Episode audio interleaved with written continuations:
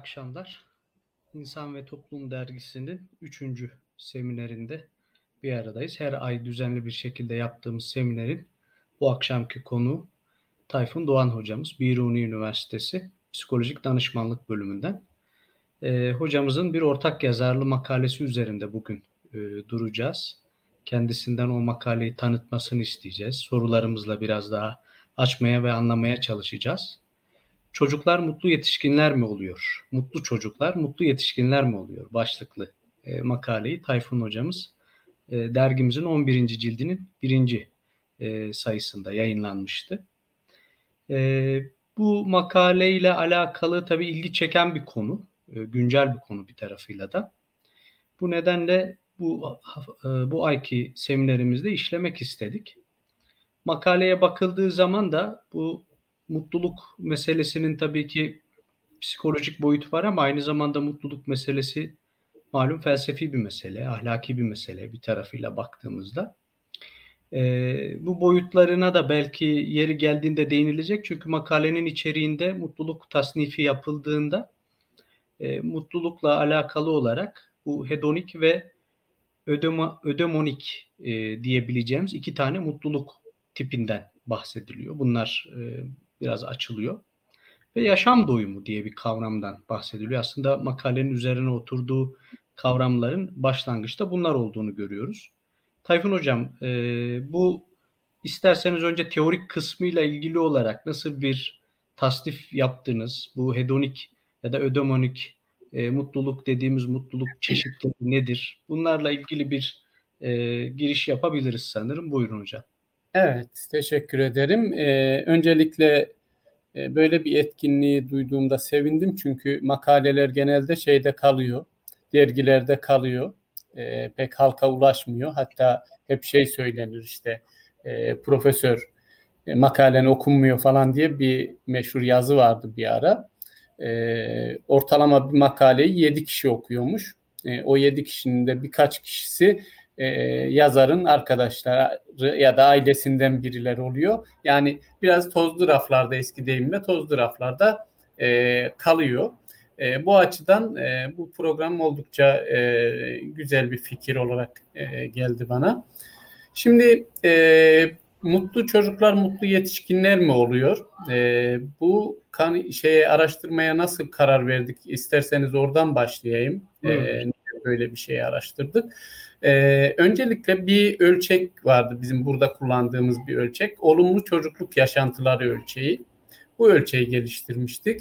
Ee, geçen yıllarda, bir iki yıl oldu yani e, Ağrı'da çok e, talihsiz bir olay olmuştu. Küçük bir çocuk kaçırılmıştı ve e, öldürülmüştü. Sonra e, on, bu işi yapan kişi yakalanmıştı.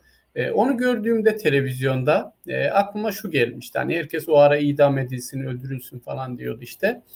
E, yani bu insan e, çok iyi bir çocukluk geçirdi de yani e, eğitimli anne babası vardı, çok iyi sevgi gördü, beslendi, şiddet görmedi. E, ama yine de böyle mi oldu? Yoksa berbat bir yaşamı vardı da mı böyle oldu diye aklıma geldi.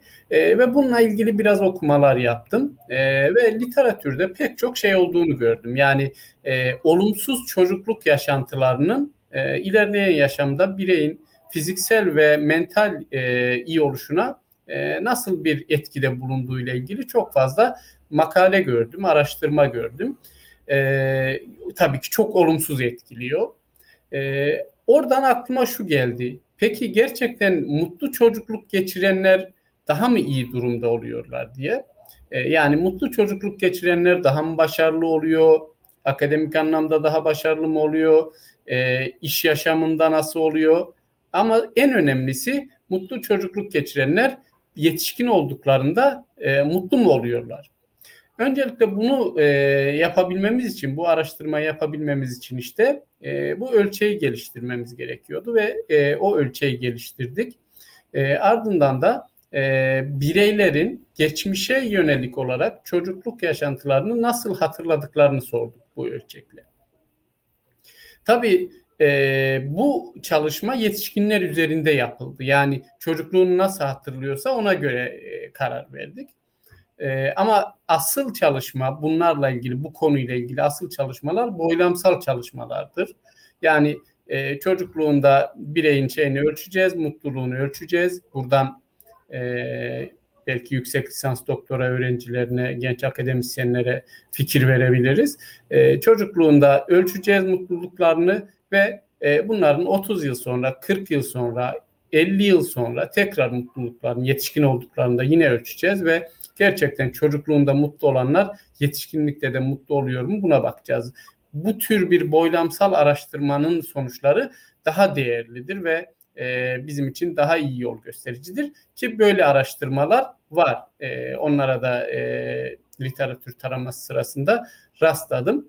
E, en sonda söyleyeceğimizi en başta söyleyelim. Evet çocukluğunda mutlu olanlar, çocukluğu mutlu geçenler yetişkinlikte de büyük oranda e, mutlu oluyorlar diyebiliriz.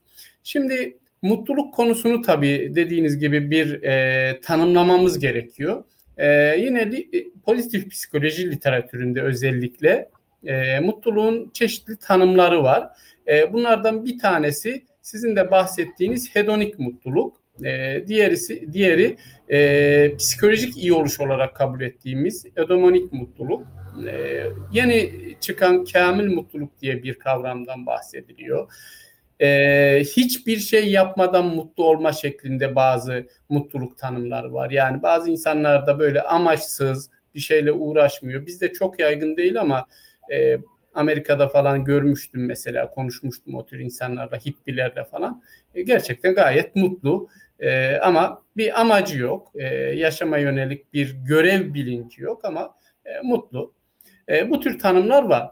Biz burada e, hem hedonik mutluluğu e, yani duygulara dayalı olan mutluluğu biraz hedonik mutluluk denince insanların hemen aklına tamamen hedonizmle, zevkle ilgili mutluluk geliyor ama o değil aslında. Daha çok duygusal yönü ağır basan e, mutluluk diye söyleyebiliriz bunu.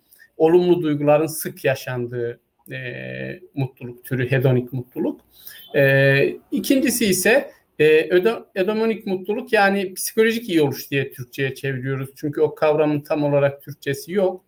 E, ta e, ilk çağ felsefe felsefecilerinden gelen bir kavram aslında e, edemoni ve e, genel olarak hani erdemlere dayalı, amaçlı, anlamlı bir yaşam sürerek mutlu olmayı ifade eden bir kavram baktığımız zaman. E, bizim burada bu araştırmada ikisinin birleşimi olan bir e, mutluluğu ölçmeye çalıştık. E, bu doğrultuda da Oxford mutluluk ölçeğini kullandık. E, Türkçe uyarlamasını uzun yıllar önce ben yapmıştım. 29 maddelik bir ölçek ve bunun içinde hem duyguları, keyif almayı, e, hazzı ölçen maddeler var. Hem de e, yaşamın anlamlı olmasıyla ilgili e, işte amaçlı bir yaşam sürmeyle ilgili e, maddeler de var. Dolayısıyla e, ikisini de ölçen e, bir ölçek diyebiliriz. E, bunun dışında bir de e, katılımcılara doğrudan şey sorduk. Kendinizi nasıl tanımlarsınız diye sorduk ve beşli bir seçenek vardı karşılarında. Hiç mutlu değilim, mutlu değilim, orta düzeyde mutluyum, oldukça mutluyum, çok mutluyum diye e, bu beşli seçenekten birini de seçmelerini istedik. Ona Bunu göre de mevcut durum için sordunuz değil mi hocam? Yani doğrudan o örneklemdeki insanların mevcut halini tanım, mutlulukla ilgili hallerini tanımlama amaçlı. Şu şekilde soru tam olarak genel olarak tüm yaşamınızı düşündüğünüzde kendinizi nasıl tanımlarsınız? Hiç mutlu değilim, çoğunlukla mutlu değilim, orta düzeyde mutluyum, çoğunlukla mutluyum, çok mutluyum şeklinde. Birazdan zaten onların oranlarını vereceğim. Kaç kişi e, kendisini nasıl görmüş e, onlar da vereceğiz. Yani böylece mutluluğu iki farklı şekilde ölçtük. Çünkü mutluluk araştırmalarında bu tartışılan bir şeydir. E, özellikle e, Ruth Van Winhoven gibi e, Hollandalı bir sosyolog var. E, belki bilirsiniz. E, dünyadaki en önemli iki mutluluk araştırmacısından biridir. Bir diğeri de Ed Dayaner'dir. E, bir iki ay önce o vefat etti. E, e, ve Winhoven da e, yaklaşık 30-40 yıldır mutluluk araştırmaları yapıyor. Dünya mutluluk veri tabanına sahip. e, uluslararası araştırmalar, çok büyük araştırmalar e, ve o tek maddelik ölçek kullanıyor. Birden 10'a kadar yani 1 ile 10 arasında insanların kendini nasıl mutlu gördüğünü soruyor. E, kendisi Türkiye'ye gelmişti. Bir kongremiz olmuştu burada. E, pozitif Psikoloji Kongresi. E, orada davet etmiştik konuşmacı olarak ve e, odamda bayağı onunla tartıştık. O tabii şey kabul etmiyor. Çok maddeli ölçekleri e, kabul etmiyor. E, kabul etmiyor derken tercih etmiyor yani. E, bana şey demişti hani tek maddeyle ölçmemiz gerekiyor mutluluğu şeklinde e, ifade etmişti. E, zaten onunla o görüşmemizden sonra ben de daha garantili bir mutluluk ölçümü olsun diye artık e, araştırmalarımda hep böyle hem tek soruluk single item diyorlar yani tek maddelik mutluluk ölçekleri hem de çok maddeli işte Oxford mutluluk ölçeği 29 maddelik bir ölçektir. E, ikisini de kullanıyorum. Dolayısıyla daha garantili bir ölçüm oluyor. Artı burada bir de biz yaşam doyumu ölçeğini kullandık. Yaşam doyumu, yaşam memnuniyeti ölçeği. Aslında bu da hedonik mutluluğun veya öznel iyi oluş diye de söylüyoruz. Onun boyutlarından birisidir. Yani biz burada e, üç farklı yolla mutluluğu ölçmüş olduk. Bir tek maddelik ölçek, Oxford mutluluk ölçüğü, ölçeği ve yaşam doyumu ölçeği. E, yaşam doyumu biraz daha geçmişe dönüktür. Yani yaşamından memnun musun? Şu ana kadar e, yapmak istediklerini yapabildin mi yaşamında? Bu tür e, şeyleri aslında e, ölçmeye çalışıyoruz. E, genelde e, bizim Erol Göke Hoca'nın, psikiyatr Erol Göke Hoca'nın e, söylediği bir şey var. Yani mutlu birey e, şunu diyebilmeli. E, yaşamdan memnunum. E, tekrar imkanım olsa aynı yaşamı bir daha yaşamak isterdim. Yani bunu gönül rahatlığıyla birisi söyleyebiliyorsa e, yani o kadar memnun ki aynı yaşamı bir daha yaşamak isterdim. Çok güzeldi diyebiliyorsa e, yaşam doyumu, yaşam memnuniyeti yüksektir demektir. Ama tabii burada şunu da vurgulamak lazım. Yaşam böyle e, tek boyutlu bir şey değil. E, yaşamın değişik boyutları var. Hani kişi eğitim yaşamından memnun olabilir de evlilik yaşamından memnun olmayabilir ya da finansal durumundan memnun olur da sağlık durumundan, sağlık yaşamından memnun olmayabilir. E, o yüzden yüzde yüz böyle her şey mükemmeldi diyecek bir kişi de herhalde e, çıkmaz diye düşünüyorum. E, yine e, bir psikoloji alanından Acar Baltaş hocamızın e, yeni bir kitabı çıktı. E, hayatın hakkını vermek diye yaklaşık bir ay oldu. O bir şey bir yıl oldu. Orada e, güzel bir şey söylüyor. Diyor ki e, eğer bugün ölüm e, e, ne diyor? Eğer bugün e, ölüm gelecek olsa hayat sofrasından tok kalkmış olacağım diyor. Hmm. Yani e, bu da işte yaşam doyumunu gösteriyor. Evet insanların acıları, sıkıntıları var ama e, büyük oranda iyiydi, memnundum yaşamından diyebiliyorsak geçmişe dönük olarak e, mutluyuz, yaşam doyumumuz iyi demektir. Burada bir de şunu ekleyeyim. Mutluluk önemli oranda zaten e, geçmişe dönük bir şeydir. Mutlu evet. anılar e, biriktirmektir. Yani e, biz e, çok karşılaştığımız bir şey var. Hani eski bayramlar, çocukluğumuz ne güzeldi, ah eski Türkiye ne güzeldi falan böyle şeyler çok duyuyoruz yani. Evet. Ve hep bize güzel gelir. Geçenlerde bir video izliyordum. E, 90'larla ilgili bir sürü şey böyle e, fotoğrafları falan koymuşlar. E, çocukluğumuzda gördüğümüz şeyleri. Gerçekten duygulandım ve çok hoş geldi böyle e, bize. E, bunun nedeni nedir diye baktığımızda aslında e, geçmiş çok iyi değildi. Yani e, şimdi e, insanlara öyle geliyor. Geçmiş bayramlar, geçmiş yolculuklar, geç, öyle değildi. Çamurlu yollar vardı, kazalar vardı, bir sürü olumsuzluk vardı, sobalı evler. İnsanlara çok romantik geliyor sobalı evde böyle. Aa ne güzel kestane pişiririz falan. Onun yakması var, dumanı var, külü var. Hiç kolay değildi. Şimdi e, soğuk banyoda e, banyo yapması vardı. Yani bunlar zordu. Geçmiş gerçekten zordu ama biz geçmişi e, iyi halleriyle hatırlamak istiyoruz. E, dolayısıyla da e, sanki daha mutluymuş gibi geliyor ama mutluluk gerçekten geçmişe yönelik güzel anılarımızın çokluğuyla alakalıdır. Geriye dönüp baktığımda eğer diyebiliyorsam ki Aa, bir sürü güzel şey yaşadım diyorsam o zaman e, daha mutluyum demektir. Ya bütünsel bir bakış gerekiyor Evet. zaten. Sorunuzdan da e, yani mutlu musunuz diye belki doğrudan e, kendi hayatlarıyla ilgili sorudan bunu anlıyoruz. Bir tarafından da hocam bu mutluluğu arttırmak diye bir bahis var makalenizde de. Mutluluğu daha tabii ki insanlar arttırmak istiyorlar. Belki bu nostaljik bakış açısında da benzer bir durum söz konusu. Yani olumsuzluklarından ziyade ah şöyleydi, ah böyleydi, ah ne iyiydi falan. Ee, bir de bugünle kıyasın ben de sizin gibi düşünüyorum. Yani olumluluk, olumlu ve olumsuz taraflarıyla aslında e, zaman yaşanıyor. Yani geçmişte de olumlu ve olumsuz şeyler bir arada e, yaşanıyordu ama bu e, insanlar için bir ihtiyaç bir tarafıyla da. Yani o motivasyonu sağlayabilmek için. Zararlı değil en azından onu söyleyelim. E, şimdiki mesela şu günlerimizi de 10 yıl sonra aa ne kadar güzel günlerdi diye hatırlayacağız yine. Yani mutluluk o anda yaşanmıyor çoğu zaman. Sonradan hatırlanıyor. Geriye bak diyoruz ki ya güzelmiş aslında. Hani e, çoğu kişi şu anda mutlu mesela ama o mutluluğun farkında değil. Onu e, bir süre geçtikten sonra anlıyor. Aslında iyiymiş diyor. Yani Evet. o zaman şikayet ediyordum diyor sobadan ama güzel bir şeymiş soba diyor mesela. Yani e, işte üstüne portakal kabuğu atıyorduk, kokuyordu falan diye. Gerçekten o güzel şeyleri hatırlıyor aslında baktığımız zaman. Ama o anda sorsaydık e, şikayet edecekti. Diyecektik hayır e, hiç de iyi bir şey değil soba diyecekti mesela. Hocam burada benim aklıma şu soru da geldi. Siz alanda başka çalışmalar da yaptığınız için yine böyle nicel e, epey çalışmanız var.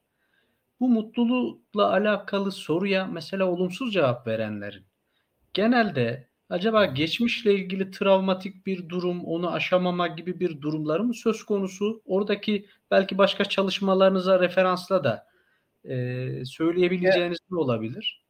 Evet zaten e, dedim ya e, çalışmaların çoğu geçmişte olumsuz çocukluk yaşantıları yaşayan kişiler üzerine yapılmış. Yani e, geçmişte şiddet görmüş, e, aç kalmış, e, ne bileyim psikolojik şiddet görmüş, taciz görmüş kişiler üzerine yapılmış araştırmalar ve e, maalesef bu hani e, ruh sağlığını ciddi anlamda bozuyor. E, yetişkin yaşamında baktığımız zaman e, çoğu yaralı oluyor bu anlamda ve e, etkileri çok uzun sürüyor.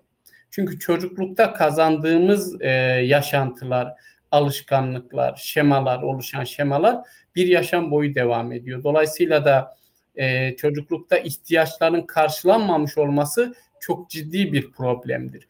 Bir de e, bu tür e, ağır vakalar, e, şiddet, sevgisizlik, problemler e, çocuğun en çok güvendiği kişilerden geliyor en çok anneye babaya güveniyor. Sınırsız güveniyor ama anne baba ihmal ediyor mesela. Kötü davranıyor. Fiziksel ceza veriyor.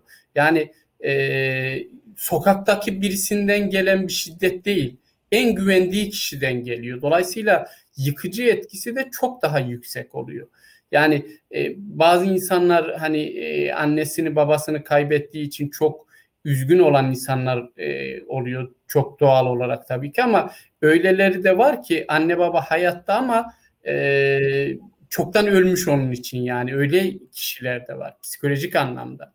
E, hani e, olmasaydı diyecek noktadalar. Çünkü çok e, ağır şiddet. Mesela birisi bana anlatmıştı. E, diyor ki o 12-13 yaşında kız çocuğuyum, 15 yaşında kız çocuğuyum diyor. Babam o kadar şiddet uyguluyordu ki diyor e, alkol problemi vardı diyor. Ya vuruyordu, yere düşüyordum diyor ve yerde artık ağzım burnum kanıyor. Hala tekme atıyordu. Ya yani hırsını alamıyordu. Şimdi bu çok inanılmaz gibi geliyor insana ama çok yaygın şiddet maalesef şeyde toplumumuzda çok yaygın ve bunu baba yapıyor düşünün yani veya anne yapıyor veya aile içerisindeki başka birisi yapıyor. Dolayısıyla da yıkıcı etkisi bunların çok oluyor. Sadece mutsuz etmemek mutsuz etmekle kalmıyor. Ruh sağlığını da bozuyor bu. Bir sürü psikolojik problemler yaşıyorlar işte depresyondur, anksiyetedir, e, ne bileyim e, bunalımlara giriyorlar. E, ama birazdan değineceğiz. Hani e, çocukluğu kötü geçtiyse kişinin e, artık hayatın geri kalan tamamen kötü mü geçecek? E, bunu da söyleyemeyiz. E, çünkü bu araştırmanın önemli sonuçlarından bir tanesi o. Birazdan ondan bahsedeceğim zaten. Eyvallah hocam. Sonuç bölümünde özellikle tartışma evet. bölümünde değindiğiniz bir konuydu. Oraya geleceğiz. Ee, burada hocam bu araştırma sorularınıza ve seçtiğiniz örnekleme belki biraz değinebiliriz. Daha makale odağında e, devam ettiğimizde. Mesela cinsiyete göre bir ayrım e, yaptınız. Evet. E, araştırma sorularından birisinde gene cinsiyet üzerinden. Cinsiyete göre bireylerin olumlu çocukluk yaşantıları e, değişiyor mu? E, evet. E, mutlulukları değişiyor mu ve yaşam doyumları değişiyor mu diye e, baktık. Yine bu olumlu çocuk yaşantılarının e, bu e, ölçeklere göre anlamlı farklılık gösterip göstermediği ile ilgili bir e, araştırma evet. e, söz konusuydu. Evet. E, ve e, bunların ne kadarını yor diyor. Yordama kelimesi çok bilinen bir kelime değil ama İngilizce predict kelimesinin evet. e, şey yani ne kadarını açıklıyor. E, çocukluğun mutlu geçmesi yetişkinlikteki mutluluğun ne kadarını açıklıyor şeklinde e, söyleyebiliriz. E, onlara baktık. E, hangi örneklem üzerinde yaptık? Buna 695 kişi katıldı bu araştırmaya. 488 kadın, 207 erkek. E, siz de bilirsiniz araştırmalarda kadınlar daha istekli ve gönüllü oluyor gerçekten. Her zaman e, yaptığım tüm araştırmalarda neredeyse e, kadınlar şey oluyor. E, daha istekli oluyor doldurmaya. Erkekler biraz e, veri toplaması zor bir grup diyebiliriz. E, şimdi bu şeyi de söyleyebiliriz hocam. E, iki ayrı grup üzerinde çalıştınız. Ha, onu söyleyeceğim. E, iki ayrı grup derken aslında e, çok birbirinden farklı gruplar değil. Bunlar yetişkinler. E, Ama e, ilk gruba Oxford Mutluluk Ölçeği ve olumlu çocukluk yaşantılarını uygulamıştık. İkinci gruba da olumlu çocukluk yaşantılarıyla şey e, ismi nedir? E, yaşam doyumu ölçeğini e, uyguladık. Dolayısıyla e, iki farklı araştırma gibi aslında yani e, yaşam doyumu da mutluluk aslında e, ama farklı bir şekilde değerlendirilmesi bunun. E, baktığımız zaman çoğunluk üniversite mezun, üniversite öğrencisi olan kişiler ve lisansüstü 30'un mezun. üzerinde bir yaş ortalaması diye not almışım hocam ama 30, 30 küsürdü zannediyorum öyle miydi? Ee, yaşa bakayım. Ee, evet 32.66 yaş ortalaması. İki grupta da aşağı yukarı birbirine yakındı. Bu arada evet. hocam aslında e, bir soru geldi. Ona da cevabı hem tam e, buradayken vermek gerekir. Aldığım notlarda da var çünkü. Bu Oxford evet. gibi mesela farklı ülkelerden, farklı üniversitelerden geliştirilmiş ölçeklerin işte başka toplumlara uygulanmasıyla ilgili biliyorsunuz bir metodolojik tartışma da vardır. Akla soru Değil geliyor. Yani e, fakat şöyle bir şey var. Ben e, siz de belki cevap vereceksiniz ama e, makaleyi okuduğumda özellikle sizin bu ölçeklerle ilgili olarak yaptığınız geçerlik güvenilirlik testlerinin çok yüksek e, evet. puanlar aldığını görmüştüm. Bu da aslında bir ölçüdür. Yani uygulanıp uygulanamayacağıyla ilgili. Tabii. Ama tabii sizin de ekleyeceğiniz şeyler vardır. Tabii ki. Ee, şimdi e, ölçek uyarlaması veya adaptasyonu dediğimiz bir e, akademik çalışma var e, ne yapıyoruz? İşte yurt dışında geliştirilmiş bir ölçeği alıyoruz ve onu Türk kültürüne, Türk diline uyarlıyoruz aslında baktığımız zaman. Sadece çeviri değil bu yani çevirip de kullanılmaz kesinlikle Tabii. hiçbir ölçek şeyde. Onun geçerlilik ve güvenilirlik çalışması var ve çok detaylı yani bir sürü kriterden geçiriliyor. Benzer ölçeklerle karşılaştırılıyor. İşte çeviriler yapıyor, geri çeviriler. Mesela İngilizcesi ve Türkçesi çok iyi olan bir gruba hem İngilizcesi veriliyor ölçeğin hem Türkçesi aynı şekilde mi anlaşılıyor? Bir sürü e, işlemden geçirildikten sonra yapılıyor ve mutluluk gibi kavramlar tabii büyük oranda e, evrensel kavramlar. İnsanlar mesela sokağa bile çıksak sorsak mutluluk nedir diye kimse aa hiç duymadım o ne demez mesela. Herkes e, ne olduğunu bilir ama belki tam ifade edemeyebilir. Ama herkes bilir yani mutlu olmanın ne, ne demek olduğunu e, bilirler tam ifade edemeyebilir akademik olarak belki ama biliyorlar insanlar. E, dolayısıyla bu ölçekler güvenilir. E, kendi geliştirdiğimiz ölçekler de var. Yani tamamen Türkiye'de geliştirilmiş. Hatta şu anda birisinin üzerinde çalışıyorum çok kapsamlı bir ölçek. E, ama e, bu tür ölçek uyarlamanın ne tür faydası oluyor bize? Uluslararası çalışmalar yaparken karşılaştırma imkanı buluyoruz. Yani e, İngiltere'de, Amerika'da, Rusya'da her dilde var çünkü bu mesela Oxford mutluluk ölçeği çok uzun yıllardır kullanılan bir ölçek. E, Rusya'da ortalama kaç çıkmış, işte Türkiye'de kaç hmm. çıkmış, Amerika'da e, bunları karşılaştırma imkanımız oluyor. Bu açıdan e, avantajlı bir durum olarak değerlendirebiliriz bunu.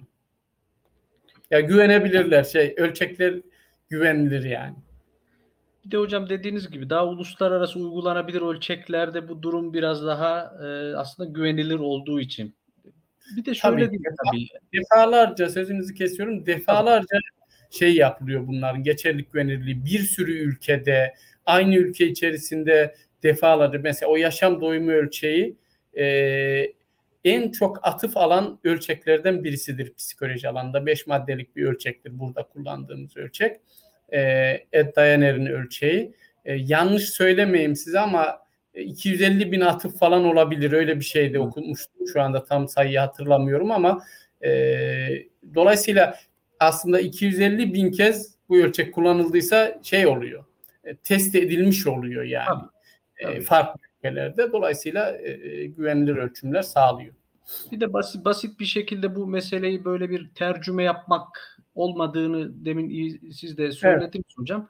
Dediğiniz gibi kendi kültürünüze göre bazı şeyleri gözden geçiriyorsunuz. Bir de e, e, söylediğiniz gibi her iki dile de, gayet hakim olan insanların algılayıp algılamaması önemli bir tecrübedir. Bir diğeri de tabii istatistik çalışmalarında siz de detaylı olarak vermişsiniz. Yani bu kurtosis, skivnis, bütün o evet. değerlerle ilgili olarak da detaylı bir şekilde bakıldığında zaten ne kadar işlediği, işlemediği aslında e, daha bir şekilde ortaya da çıkıyor. E, arkadaşlarımız da bu arada makalenin özellikle bu e, ölçekleri tanıtan e, bölümlerini hocam e, ekrana da yansıtıyorlar. E, evet. İlgi duyanlar bundan sonra da büyük ihtimalle bakacaklardır. Hocam biraz Şöyle da bu bir şey buyurun. söyleyeyim aklıma gelmişken e, Oxford mutluluk ölçeğini veya çalıştığım diğer ölçeklerin normal uygulanabilir halini şeyden e, web sitemden e, indirip uygulayabilirler. Oraya koydum hepsini. E, tayfundogan.net e, orada psikolojik ölçme araçları diye yer var. Oradan araştırmalarında da kullanabilirler. Bu ölçeklerle ilgili şöyle bir sıkıntımız oluyor. Uyarlamasını yapınca sahibi biz oluyoruz hani Türkiye'de hı hı. o şekilde ve izin istiyorlar. Özellikle etik kurullar falan izin istiyor. Ondan o kadar yoruldum ki artık çünkü her gün e, sayısız mail geliyor. Hocam işte tez yapacağım, ölçeğinizi kullanabilir miyim? E, şey yaptım, web sitesine yazdım yani izin istemenize gerek yok. Dilediğiniz gibi kullanabilirsiniz diye. Çünkü bilim açıktır aslında ama Türkiye'de Tabii. böyle bir gelenek oluşmuş. E, ölçek izni isteme diye. E, o yüzden arkadaşlar alıp hem kendilerine uygulayabilirler oradan istiyorsa da araştırmasında kullanabilir. Hiçbir sakıncası yok. Hocam bu duyuru da iyi oldu. Çünkü genelde zaten izleyicilerimiz ya da e, kayda alındıktan sonra YouTube'a konulacak İlem TV üzerinden takip edilecek takip edecek pek çok bizim yüksek lisans doktora öğrencimiz e, olacak. Bu da e, sağ olun değerli bir katkı oldu. Hocam biraz da bu sonuçlarına, e, test sonuçlarına özellikle bakalım. Evet. E, siz orada dört tane analizi paylaştınız makalede. Bu dört analizden bir tanesi bir T-testiydi. Cinsiyet ile. Evet. Öyle ee, gidelim sırayla isterseniz. Sırayla gidelim. Ee, Ama burada tek anlamlı farklılaşmanın olmadığı da cinsiyet meselesiydi. Evet, onu, onu da açarak e, buyurursanız. Söyleyeceğim. E, cinsiyete göre e, olumlu çocukluk yaşantıları puanı değişmiyor e, mutluluk da değişmiyor cinsiyete göre. Yani kadın veya erkek olma mutluluk e, açısından bir fark yaratmıyor. E, yaşam doyumu da değişmiyor. E, özellikle burada benim tartışma bölümünde de ele aldığım e, ben şunu bekliyordum açıkçası hani tamamen bir gözlem sonucu. E, erkek çocuklarının olumlu çocukluk yaşantıları daha iyi olur diye bekliyordum. Çünkü kültürümüzde biraz maalesef hani erkek çocuğu kayırma durumu e, var diye düşünüyordum. Ama öyle çıkmadı ona da sevindim. Demek ki e, kız veya erkek çocuğu böyle algılamıyor. E, bir alttaki şey e, tablo arkadaşlar bu değil. Evet bir alttaki tablo 3 evet. Evet e, yani yine de anlamlı hatta e, yine de demeyeyim e, kız çocuklarının ortalaması daha yüksek bulunmuş gördüğünüz gibi 77.4 bulunuyor. Ama anlamlı değil istatistiksel olarak bir anlamı yok. Bu güzel bir sonuç. Demek ki aileler öyle bizim düşündüğümüz kadar belki yeni nesil e, aileler böyledir. Eskiden Burada bu bir daha farklılaşma olabilir hocam. Şöyle e, Çiğdem Kağıtçıbaşı rahmetli hocanın biliyorsunuz bir çocuğun değeri araştırması vardır. Hı. 1976'da ilkini yapar, 2000 e, yılında da ikincisini yapar. Yani arada bir 24 yıl farkla. Erkek çocuğu ve kız çocuğuna bakışta muazzam bir kültürel farklılaşma yaşanmıştır. Türkiye'nin o değişimiyle e, alakalı. Belki hani erkek çocuklarına daha fazla değer atfedildiği ile ilgili böyle bir kültürel şey var kafamızda ama e, Bu sizin bu sonucunuz da aslında e, rahmetli Kağıtçıbaşı'nın o çalışmasında nispeten doğrulamış oluyor. Evet. ondan bir bağlantı kurulabilir. evet bu değişti ve bu sonuç sevindirici geldi bana da hani. Bir yönden de çok olumlu bir sonuç. Doğru Evet, diyor. olumlu bir sonuç. Mutluluk açısından ise e, yine bir fark çıkmıyor cinsiyete göre. Bu uluslararası literatürde de böyledir. Yani e, kadınlar daha mutludur, erkekler daha mutludur diye bir şey diyemiyoruz. Çoğunlukla e, bir fark çıkmaz. Ama e, işin olumsuz yönünde e, mutsuzlukta ya da e, mutsuzlukta demeyelim de hastalık boyutunda yani depresyon, anksiyete gibi hastalıklar, yaygın ruh sağlığı bozuklukları kadınlarda daha yüksek e, çıkıyor ama mutluluk açısından e, çok bir fark çıkmıyor diyebiliriz net bir şekilde. Başka yaptığım araştırmalarda da aynı sonuçlar e, oldu. Çok mutluluk düzeyleri erkeklerin ve kadınların yakın birbirine yakın. Yaşam doyumu da aynı şekilde o da zaten dediğim gibi e, mutluluğun farklı bir boyutu. Şimdi e, tablo 4'te e, bir başka e, sonuçta işte şeyi sorduk dedim ya Hı hı. e, şöyle heh, onu görebiliyorum ben de. E, genel olarak yaşamınızı düşündüğünüzde kendinizi nasıl tanımlarsınız diye sorduk ve beşli bir mutluluk şeyi istedik ama e, hiç mutlu değilim diyenle çok mutluyum diyen çok az bir gruptu. E, analiz yapılamayacak kadar. Yani insanlar kendini hiç mutlu değilim diye görmüyor. Çok mutluyum diyen de çok küçük bir grup. Dolayısıyla e, onları birleştirdik. E, hiç mutlu değilimle mutlu değilim birleştirdik. Oldukça mutluyumla da çok mutluyum birleştirdik. Çünkü e, 5-10 kişiydi şu anda tam hatırlamıyorum. Çok azdı. E, dolayısıyla üçlü bir grup oldu. Mutlu değilim, orta düzeyde mutluyum ve oldukça mutluyum diyen, kendini böyle gören kişilerin e, olumlu çocukluk yaşantıları puanına baktık. Hı hı. Ve mutlu değilim diyen grubun ortalaması 56 gördüğünüz gibi. Orta düzeyde mutluyum diyen 73, oldukça mutluyum diyenin çocukluk yaşantısı, e, olumlu çocukluk yaşantısı puanı 88. Yani mutluluk arttıkça şu anki mutluluğunu so- etmiş oluyoruz burada aslında. E, olumlu çocukluk yaşantısının da yüksek olduğunu görüyoruz. E, bir aşağı inebilirsek orada bunu daha iyi gösteren bir de şeklimiz vardı. Daha net göreceksiniz. Bir şekil grafiği de vardı. Evet. Değil mi Ee, sanki? evet, Regresyon analizi. Şimdi az daha inelim. Anova, evet. Bir- Biraz daha aşağıda. Şimdi Evet, şu. bu. Evet, burada Buyur. görüyoruz. Ee, mutlu değilim diyen grubun e, olumlu çocukluk yaşantıları puanı buradayken e, oldukça mutluyum diyen gördüğünüz gibi oldukça yüksek. Yani e, çocukluğundaki yaşamı mutlu olanlar yetişkinlikte de e, mutlu oluyor diyebiliriz bu anlamda. Çok net Ama- hocam yani çok net bir şekilde e, gözüküyor anlamlı farklılaşma. Evet. yani. Evet çok net Ee, ama bunun oranını da birazdan e, diğer analizlerde göreceğiz. Yani e, burada bir doğru olarak bunu gösteriyor ama ne kadar e, etkili, ne kadarını açıklıyor, yorduyor onu da birazdan söyleyeceğiz. Evet devam edebiliriz. Diğer testlere de yaptığınız iki tane daha zannediyorum test vardı hocam. Onlar üzerinden de devam edelim. Evet, şimdi bu e, burada ne kadarını yorduyor ona baktık. Yani olumlu çocukluk yaşantısına sahip olma mutluluğu ne kadar açıklıyor, ne kadar yorduyor diye baktık ve yüzde 23'ünü açıklıyor. Hmm. E, bir aşağı inersek şeyin de yaşam doyumunun da %24'üydü yanlış hatırlamıyorsam. 24 olması lazım. Evet. O da 24'ünü açıklıyor şuradaki değer. Yani olumlu çocukluk yaşantısına sahip olma e, yetişkinlikteki mutluluğun %23'ünü, %24'ünü yani dörtte birini yaklaşık açıklıyor. Evet. Bu %24 oranı psikolojide önemli bir orandır. Yani regresyon analizi dediğimiz analizde buluyoruz bunu ve e, böyle bir sonucun çıkması e, yüksek kabul ederiz. Yani 24 daha bayağı etkiliymiş dediğimiz bir orandır.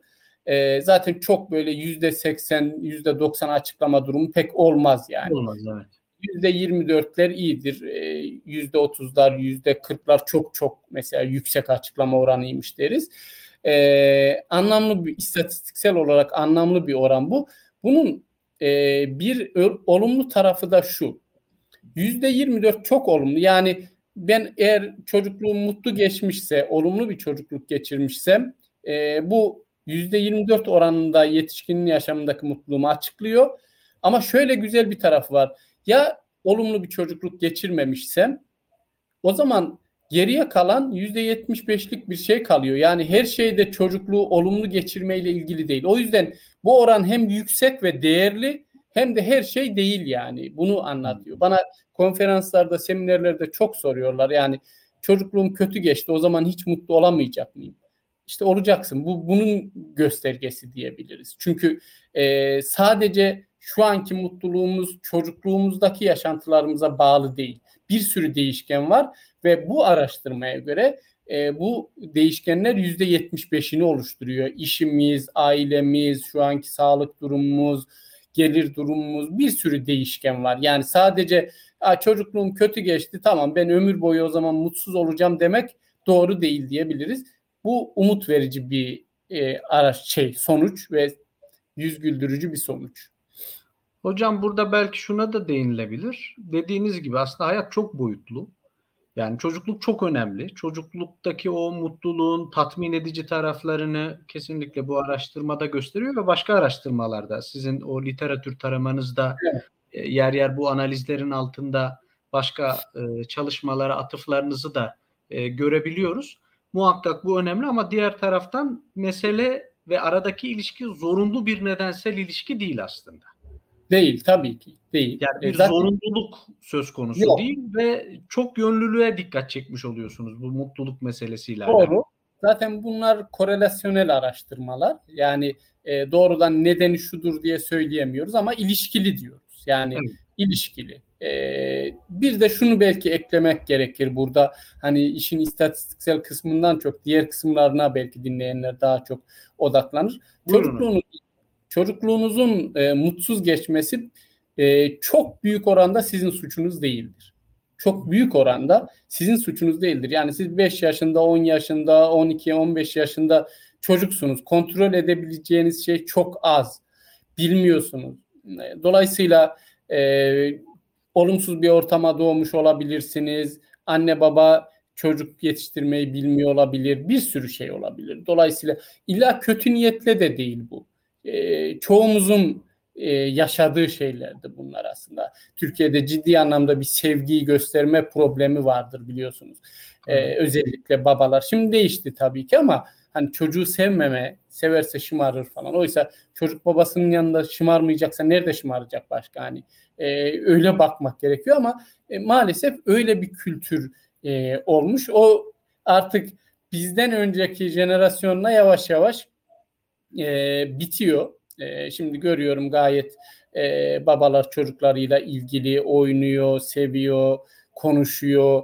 E, anneler biraz daha yakındı çocuklara ama e, babalar maalesef mesafeli duruyordu ve bu kültürel bir şeydi. Tamamen e, kültürel bir şeydi. Dolayısıyla da olumlu olumsuz etkiliyordu. Ama bunu işte çocuk seçmedi. Yani onun yapabileceği çok az şey vardı. O yüzden de e, geçmişi orada bırakıp Bugün ne yapabilirim? Buna bakmak lazım.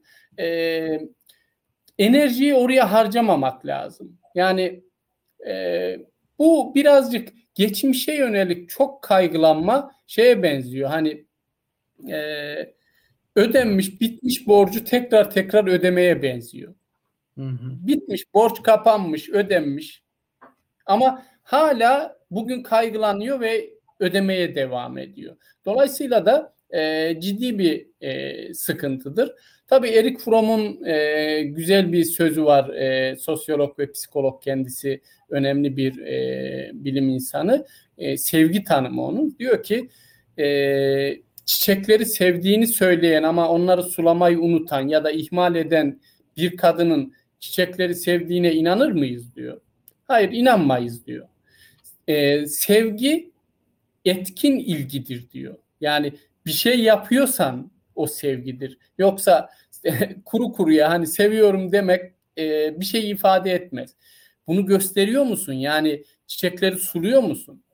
Çiçek susuzluktan ölüyor. E, sen diyor ben çok seviyorum çiçekleri diyorsun. Bir anlamı yok. O yüzden de sevgiyi gösterme anne baba olarak veya arkadaş olarak ki, kim olursa olsun sevgiyi gösterme çok çok e, önemli. E, gerçekten Erik Fromm'un bu sözü sevgiyle ilgili çok az çalışan psikolog vardır. Bu kadar önemli bir kavram, hayata anlam katan kavram. İşte çocukluk mutluluğu dediğimiz şey aslında çocukluğumuzda ne kadar sevgi ve ilgi gördüğümüzle alakalıdır. Yani ne kadar ilgilenildi ciddi anlamda bizimle e, bunu gösteriyor. E, çok beğendiğim bir söz. Yani e, böyle duvara çerçeve yapılıp e, asılacak bir söz. Ben mealen söyledim ama arkadaşlar onu bulabilirler. E, sevgi etken etkin ilgidir diyor. Yani bir şey yapmakla ilişkilidir. Yoksa e, seviyorum demekle değil sadece. Hocam bu makalenin bu tartışma bölümünde yani sonuçta diyebileceğimiz bulguların biraz daha değerlendirildiği, sizin o korelasyonel dediğiniz yani daha ilişkiselliği evet e, vurguladığınız o bölüme de biraz değinebiliriz size e, zahmet. Yani genel bazı şeyleri söyledik ama daha toparlayacak olursak makale neye ulaştı? E, evet. E, en önemli bulgusu bu makalenin şu. E, pozitif psikoloji yaklaşımı şu temel üzerindedir aslında. E, sadece olumsuz yaşantıları yaşamamış olmamız yeterli değil. Bunu şöyle anlatayım biraz e, karmaşık. Benim şu anda öfkeli olmamam, e, kaygılı olmamam, e, sevinçli, neşeli olacağım anlamına gelmiyor. Yani olumsuz duygular ve olumlu duygular ayrı ve olumsuz duyguların olmaması olumluların var olduğu anlamına gelmiyor. Dolayısıyla e, bu araştırma bağlamında şunu söyleyebiliriz. Bir kişi diyebilir ki ben çocukluğumda öyle şiddet müddet görmedim. Olumsuz şeyler yaşamadım diyebilir. Tamam bu güzel bir şey ama yeterli değil. E, bu eksi sekizden sıfıra doğru gelen kısım. Bizim e, olumlu bir şeyler yaşamış olmamız da gerekiyor ayrıca. Ruhsal anlamda beslenebilmemiz için şiddet görmedim, kötü davranılmadı, aç kalmadım.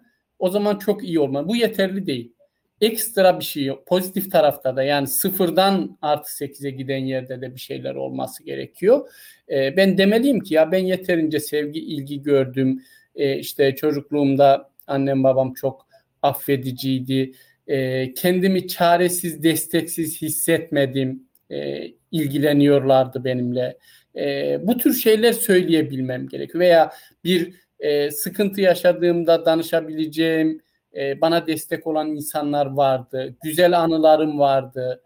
E, işte ölçekteki maddelerden söylemeye çalışıyorum size. Çocukluğumda e, akranlarımın çoğundan mutluydum mesela. Bunu diyebiliyor muyuz? E, bu tür şeyler. Yani e, sadece kötü şeyler yaşamamış olmak yeterli değil ruh sağlığı açısından. E, olumlu şeyler de yaşamış olmamız gerekiyor ve bunları yaşamış kişilerin yetişkinlikteki mutluluklarının e, daha yüksek olduğunu görüyoruz.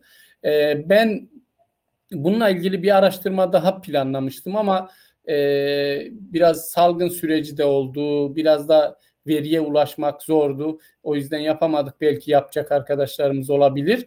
Mesela mahkumlar suç işleyen kişiler üzerinde bu ölçek kullanılarak araştırma yapılabilir. Hmm, yani hmm, e, o ilk çıkış yönünü de söyledim ya. Yani e, gerçekten suç işlemiş, şiddete eğilimli insanlar e, çocukluğunda mutlu bir yaşam sürdü de yine de böyle mi suç mu işliyorlar? Yoksa e, gerçekten kötü bir yaşam sürdüler, mutsuz bir yaşam, mutsuz bir çocukluk geçti ve e, tabii tekneden bu olmaz. Hani suçunda bir sürü şey var ama yine de önemli bir e, bulgu olacağını düşünüyorum. Şey yapılmış.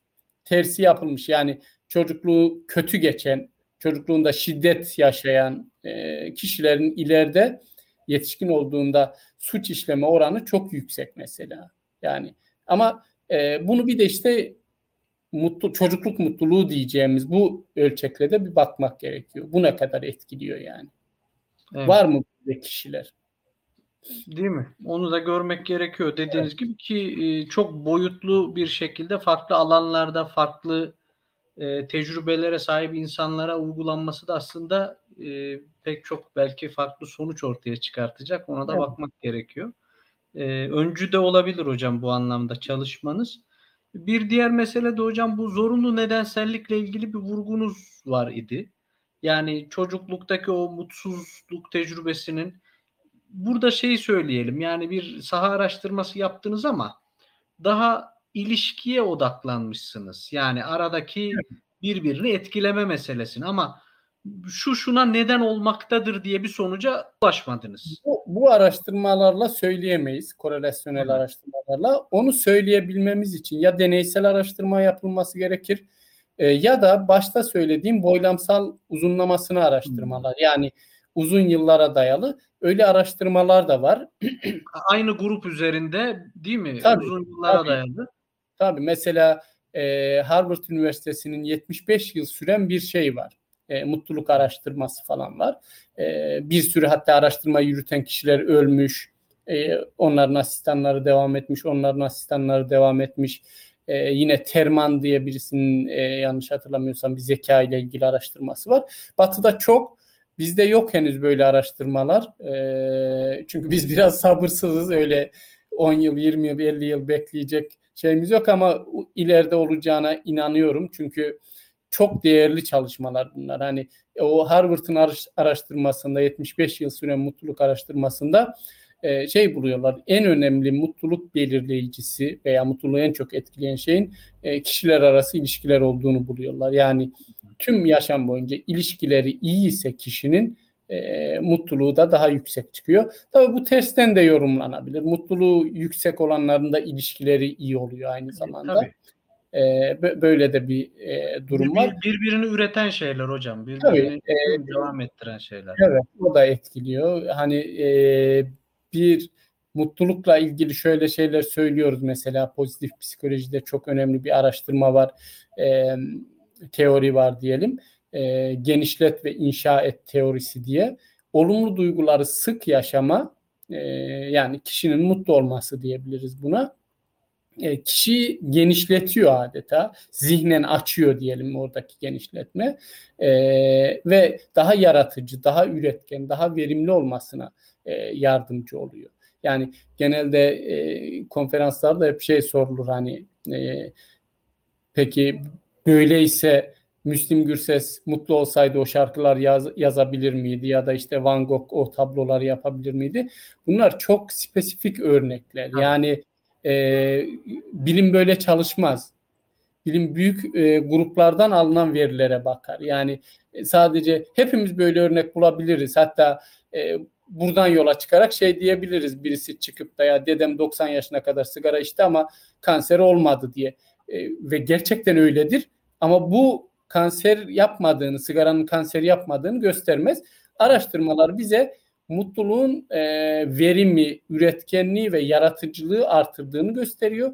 Zaten e, çok da mantıklı çünkü e, yaratıcılık, üretkenlik ve verimlilik enerji gerektirir. Yani enerjik olmanız gerekir. Bu da mutlu insanlarda fazlasıyla vardır.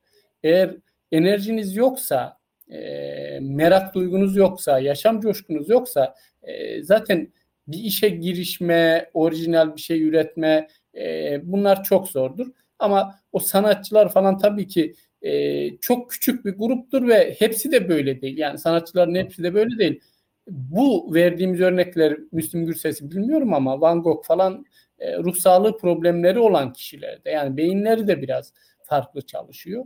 E, dolayısıyla e, araştırmaların bize söylediğini söylüyorum. Hani e, mutluluk avantajdır ve verimi, üreticiliği, yaratıcılığı artırır. Pek çok konuda hatta uzun yaşıyor yani mutlu insanlar e, daha uzun yaşıyor. Bununla ilgili artık biyolojik kanıtlar da ortaya konmaya başlandı. Çünkü mutlu insanlardaki o telomerler hani yaşamla ilgili e, telomerler ne bileyim e, kalp ritim eğrisi daha düzgün e, ondan sonra kortizol düzeyi daha düşük mutlu insanların.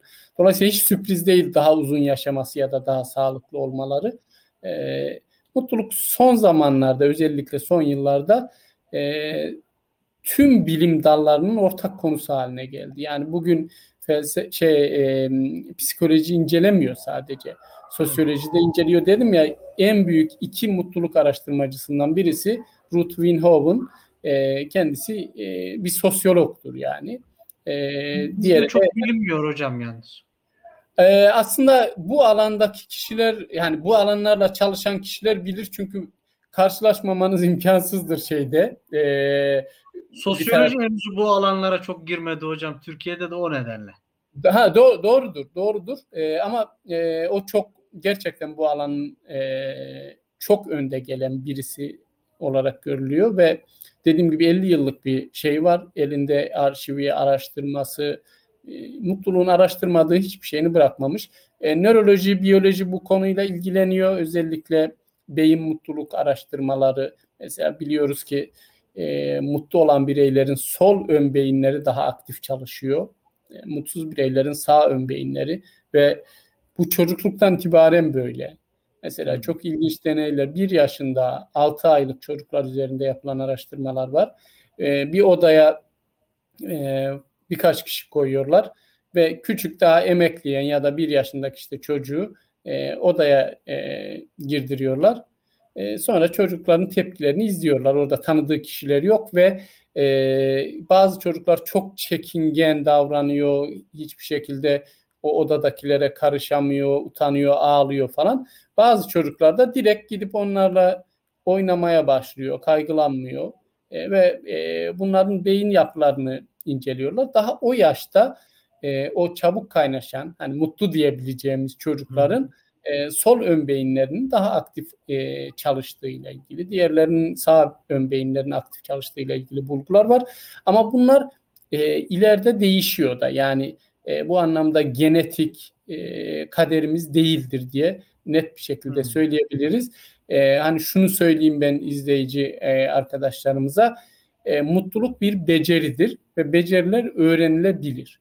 Genetik faktörler çok etkili ama her şey değil genetik. Gerçekten e, genlerimizin aktif olup olmaması da bizim duygularımıza, düşüncelerimize, yediğimize, içtiğimize e, yani çevresel koşullara bağlı. Dolayısıyla da e, olumsuz genler getiriyor olabiliriz e, atalarımızdan. Ama bunların aktive olup olmaması e, önemli oranda yine bizim elimizde ve mutluluk e, Richard Davidson'ın e, söylemiyle aynı piyano çalmayı öğrenme, tenis oynamayı öğrenme, yazı yazmayı öğrenme gibi öğrenilebilir diyelim bu şekilde. Eyvallah hocam. Çok e, teşekkür ederiz. Tabii sizi bulmuşken bazı sorular da geldi. Ee, Olur.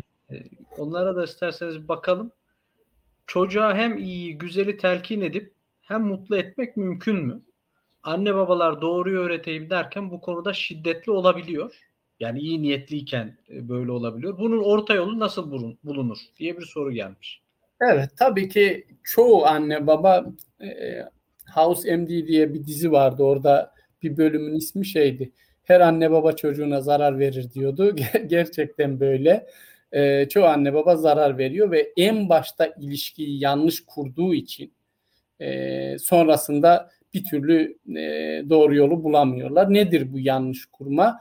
e, çocuğa yalan söyleme e, belki zorunlu kalıyorlar ama işte e, dışarı gidecek çocuk ağlıyor diyor ki ya e, hemen ekmek alıp geleceğim bak işte ne bileyim çocuk e, çikolata istiyor bakkal ölmüş diyor mesela yani bir süre sonra çocuk bunlar söylene söylene biraz yaşı büyüyünce e, anne baba bir, ondan anne babadan bir şey istediğinde anne baba gerçekten doğru mazeret bile sunsa olmayacağına dair çocuk güvenmiyor. Şey e, güven yıkılmış çünkü.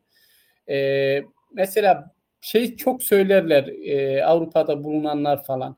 Ya Avrupalıların çocukları niye ağlamıyor, niye mızmızlanmıyor, bizimkiler niye sürekli böyle ağlıyor? Çünkü iletişimi öyle kurdum baştan. Çocuk ağlayarak elde etmeyi öğrendi.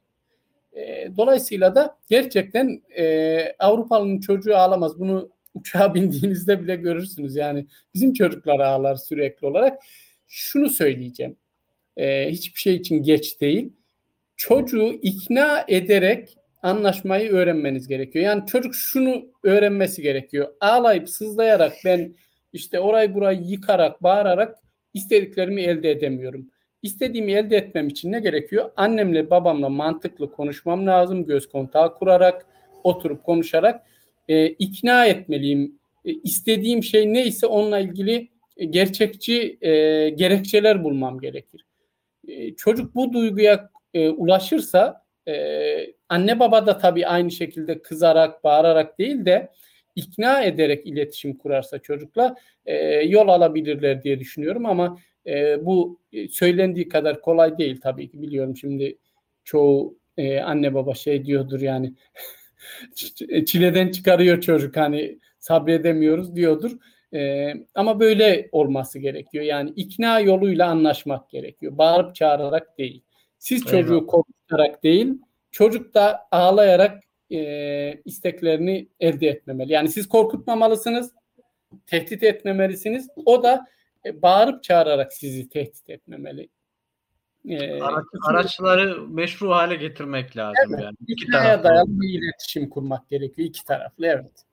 Hocam bir de araştırmayla ilgili bir soru gelmiş. Bu mutluluk ve bağlı olarak diğer değişkenler nitel araştırmalar ile ölçülebilir mi diye. Tabii ki pek çok nitel araştırma da yapılıyor mutlulukla ilgili. Ee, yani birkaç tane zaten çok e, önde gelen mutluluk dergisi var dünyada. The Journal of Happiness Studies falan diye e, bir dergi var.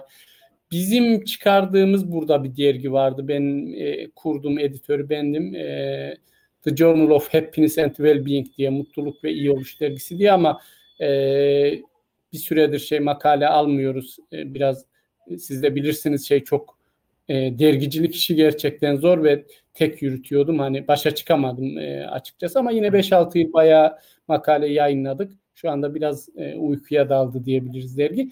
E, buralarda e, çok çok iyi böyle nitel makaleler de yayınlanıyor. Çünkü derinlemesine e, mutluluğu anlayabilmemiz için bizim sormamız gerekiyor insanlara. Tabii. Sizi ne mutlu ediyor? Mutluluktan ne anlıyorsunuz? Mesela e, tam olarak mutlu olsanız nasıl bir şey olurdu? E, bunları sormamız gerekiyor. Çünkü mutlulukla ilgili yanlış düşünce ve inançlar da insanları mutsuz ediyor. İnsanlar mutluluğu şöyle bir şey zannedebiliyor. Yani sürekli eller havaya, neşeli olmak, sürekli gülmek. Böyle bir şey değil mutluluk ve e, mutluluk sadece hazla ilişkili de değil. Mutluluk bir karakter halidir. Haz her türlü elde edilebilir. Hazı elde etmek çok kolaydır. Yani haz elde etmek kolaydır ama gerçek anlamda mutlu olmak zordur. Ve hazzı elde ediyor olmanız e, mutlu olduğunuzun göstergesi değil. Haz mutluluğun küçük bir parçasıdır sadece. Siz mükellef bir sofrada e, yemek yerken e, haz alabilirsiniz ama aynı anda mutsuz olabilirsiniz. Bütünde evet. baktığımızda. O yüzden bir karakter halidir bir ruh halidir. Mesela duygular daha gelip geçicidir. Keyifler, hazlar daha gelip geçicidir ama ruh hali daha uzundur. Yani e, o yüzden karakter halidir diyoruz. E, dolayısıyla bir kişi e, haz alabilir, haz dolu olabilir e, ama aynı zamanda mutsuz olabilir yani. Hatta haz işini çok abarttığı zaman e, mesela araştırmalar var. Keşke e, Türkiye'de de böyle yapılabilse yani bu tür araştırmalar ama zahmetli araştırmalar. Gerçekten sınırsız haz elde eden insanlar var. Yani sınırsız cinsellik, uyuşturucu, para derdi yok. E, yurt dışında bunlarla ilgili yapılan araştırmalarda de mutlu olmadıkları gözüküyor mesela. E, bu çok çok e, önemli. Yani mutluluğu sadece hazla indirgeme yanlış e, bir şey daha söyleyeyim hazla e, ilgili. Hazla kötü yollardan da ulaşabiliyoruz. Yani illegal yollardan, kötü yollardan hazla ulaşabiliyoruz. Hatta birisine şiddet uygulayarak da haz elde edebilirsiniz. e, ne bileyim hırsızlık yaparak da haz elde edebilirsiniz ama bizim ele aldığımız mutluluğa e, işte o öde, ödemonik mutluluk dediğimiz, psikolojik iyi oluş dediğimiz, iyilik hali dediğimiz mutluluğa kötü yollardan ulaşamazsınız. Çünkü mutluluk iyidir. Hatta felsefede mutlak iyi olarak kabul edilir. Dolayısıyla kötü yollardan mutluluğa ulaşılmaz. Yani bir kişi hem arsız, hem hırsız, hem kötülük yapan, hem de mutlu biri olamaz. Ne olabilir? Haz alabilir ama toplamda mutsuzdur yani. Ee, böyle tamamlamış olan. Yo, eyvallah hocam çok güzel oldu. Bir soru daha var hocam. Ee, çocuklara mutluluğu anne baba nasıl öğretebilir? Anne babanın mutlu olması ve çocuğun gözlemleyerek taklit yolu gibi yollarla öğrenmesi yeterli mi? Evet, e, güzel soru. E, en şanslı çocuk kim derseniz bana e, çocukluğunda en azından en azından bir tane etrafında ruh sağlığı yerinde ve mutlu bir yetişkin olan kişidir. Yani anne olur, baba olur, abi olur, nine, dede olur. Bir tane böyle ruh sağlığı gerçekten yerinde ve mutlu birisi varsa etrafında bu çocuk için büyük avantajdır. Çünkü çocuklar e, gerçekten kayıt düğmesine basılmış kamera gibi e, her şeyi alıyorlar. E, dolayısıyla çok büyük avantaj olur. E, mutluluğu nasıl e, öğretebilir e, bir anne baba çocuğuna? E, ilk olarak hani soruda da olduğu gibi kendisi model olarak bunu göstermesi gerekir. E, erdemli bir yaşam sürerek, e, ne bileyim e, hayvana sevgiyi göstererek, doğaya sevgiyi göstererek. Çünkü bunlar çok önemli mutluluk belirleyicileridir. E, bir şeyler e, beraber paylaşarak, gerçek anlamda sevgiyi göstererek e, bunlar belki e, mümkün olabilir. E, nitelikli zaman geçirerek e, yani nitelikli zaman dediğimiz şey ya ben çocuğumla 5 saat beraberim. Ne yaptım? İşte televizyonu açılmış. E, o orada oturuyor, o orada. Birinin elinde telefon. 5 saat zaman geçirdik çocukla. Hiçbir anlamı yok. Onun yerine 5 dakika gözüne bakarak gerçekten çocuğu dinleyerek hatta bizim Doğan Cüceloğlu'nun e, rahmetlinin söyleyişiyle e, dizini çöküp çocukla aynı hizaya gelerek göz teması kurarak iletişim kurman e, o 5 saatten daha değerlidir. Yani çocuk ilgilenildiğini bilmesi gerekiyor ve e, az önce söylediğim şey sevgi etkin ilgidir. Yani e, bunu söz, sözel olarak değil bu yetmiyor. Göstermek evet. gerekiyor. Zaten her anne baba çocuğunu seviyor yani bu biyolojik ve içsel bir şeydir. Ama bunu etkili bir şekilde gösterme, onunla ciddi zaman harcama, e, ne bileyim e, iyi insan olma, e, iyi model olma çocuğu da mutlu edecektir. Karşılaştırma kötü, hani neyi yapmasınlar dersek, karşılaştırmayın. Yani her çocuk farklıdır, kardeşler bile farklıdır. Yani karşılaştırmamak gerekiyor. Kıskançlık duygusu oluşturmamak gerekiyor. Ee, buna dikkat etmek gerekiyor. E, tabii sınavlar çok kötü Türkiye'de. O konuda şu özgüveni vermek gerekiyor çocuklara. E, yani sınav kazanırsan harika bir şey olacak hepimiz için, ailemiz için. Ama kazanmasan da sevgimizde bir gram eksilme olmayacak. Sen bizim çocuğumuzsun. Bu duyguyu vermek gerekiyor. Çocuk şunu yaşamasın. Yani ya kazanamazsam mahvolacağım, bitti. Ailem beni sevmeyecek yüzlerine bakamayacağım, masraf ediyor. Bu duyguyu yaşamaması gerekiyor. Biz e, başarıyı takdir etme değil, çabayı takdir etmemiz gerekiyor. Bunu çocuğa, çocuğa çok küçükken bunu verebilirsek birisinde başarılı olamazsa başka bir şeyde başarılı olur çocuk. Çünkü takdir etme sonuç alınır ya da alınmaz. Bu hepimiz için geçerlidir. Önemli olan benim ne kadar çaba gösterdiğim bununla ilgili. Çocukta buna bakmamız ve bunu içselleştirmesini sağlamamız gerekiyor. Çocuğa şunu dememiz lazım. Sen elinden geleni yap, sınavla ilgili çalış veya başka meselelerde. Olmazsa hiç problem değil. Başka bir şeyde başarılı olursun yani. Hayatta o kadar seçenek var ki gerçekten yani e, sayısız seçenek var. Sayısız seçenek var. Hani e, sadece mesleki olarak düşünmeyin bunu. Her anlamda bir şey yapabilirsiniz. Yani bir şeylerde herkes bir şeyde başarılı olabilir. Önemli olan onu bulmak ve çaba göstermeyi takdir etmek. Çaba daha değerli çünkü. Ee, başarı tesadüfen de gelebiliyor. Şans etkili olabiliyor. İnsanların değil mi önünde e, imkanlar oluyor bazen. E, daha şanslı olabiliyor ama çaba çok çok e, değerli. Bir bununla ilgili bir şey kısa bir anekdot anlatayım. Çok e, beğenmiştim Acar Baltaş hocamın bir seminerinde. E, bu Everest'te tırmananlarla ilgili diyor ki Everest'te tırmanma çok pahalı bir şeydir. İşte 30-40 bin e, dolar bir para gerekiyormuş ve çok e, zor ciddi sağlık kontrolleri ve fiziksel zorluk gerektiren bir şey diyor. E, insanlar çıkıyor Everest'te. Dünyanın her yerinden insanlar ilgi duyuyor. Çıkıyorlar. Günlerce sürüyor. 40 günlük bir yolculuk yanlış hatırlamıyorsam. E, açlık var, so- soğuk, susuzluk bir sürü sıkıntı oluyor.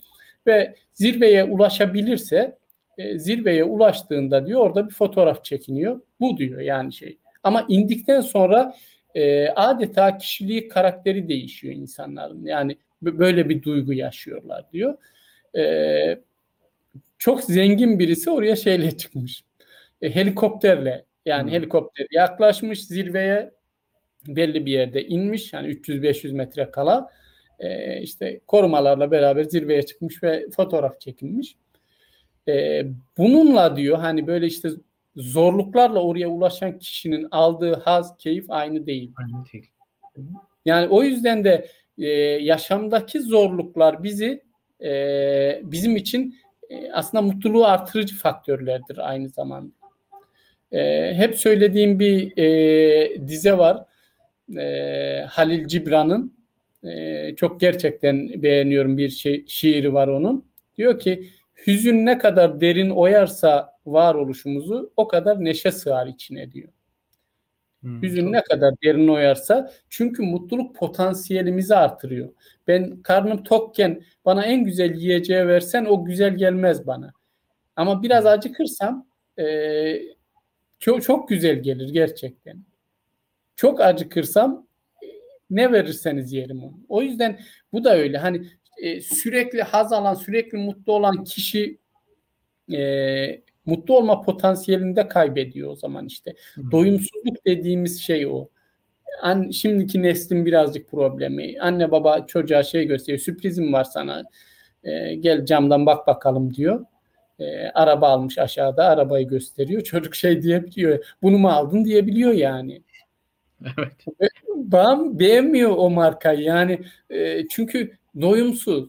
Oysa bir gariban çocuğu, biraz daha sıkıntı çekmiş bir insanı, çocuğu mutlu etmek çok daha kolaydır. Çok daha kolaydır. Yani bununla ilgili bir e, nerede okudum ya da dinledim hatırlamıyorum. Bir anne işten çıkıyor okuldan çocuğunu alıyor lüks arabada jipin içinde gidiyorlar. Çocuk dondurma diye tutturuyor. E, anne de almaya gidiyor park ediyor arabayı. E, hemen dondurmayı alıyor. Orada da bir şey görüyor.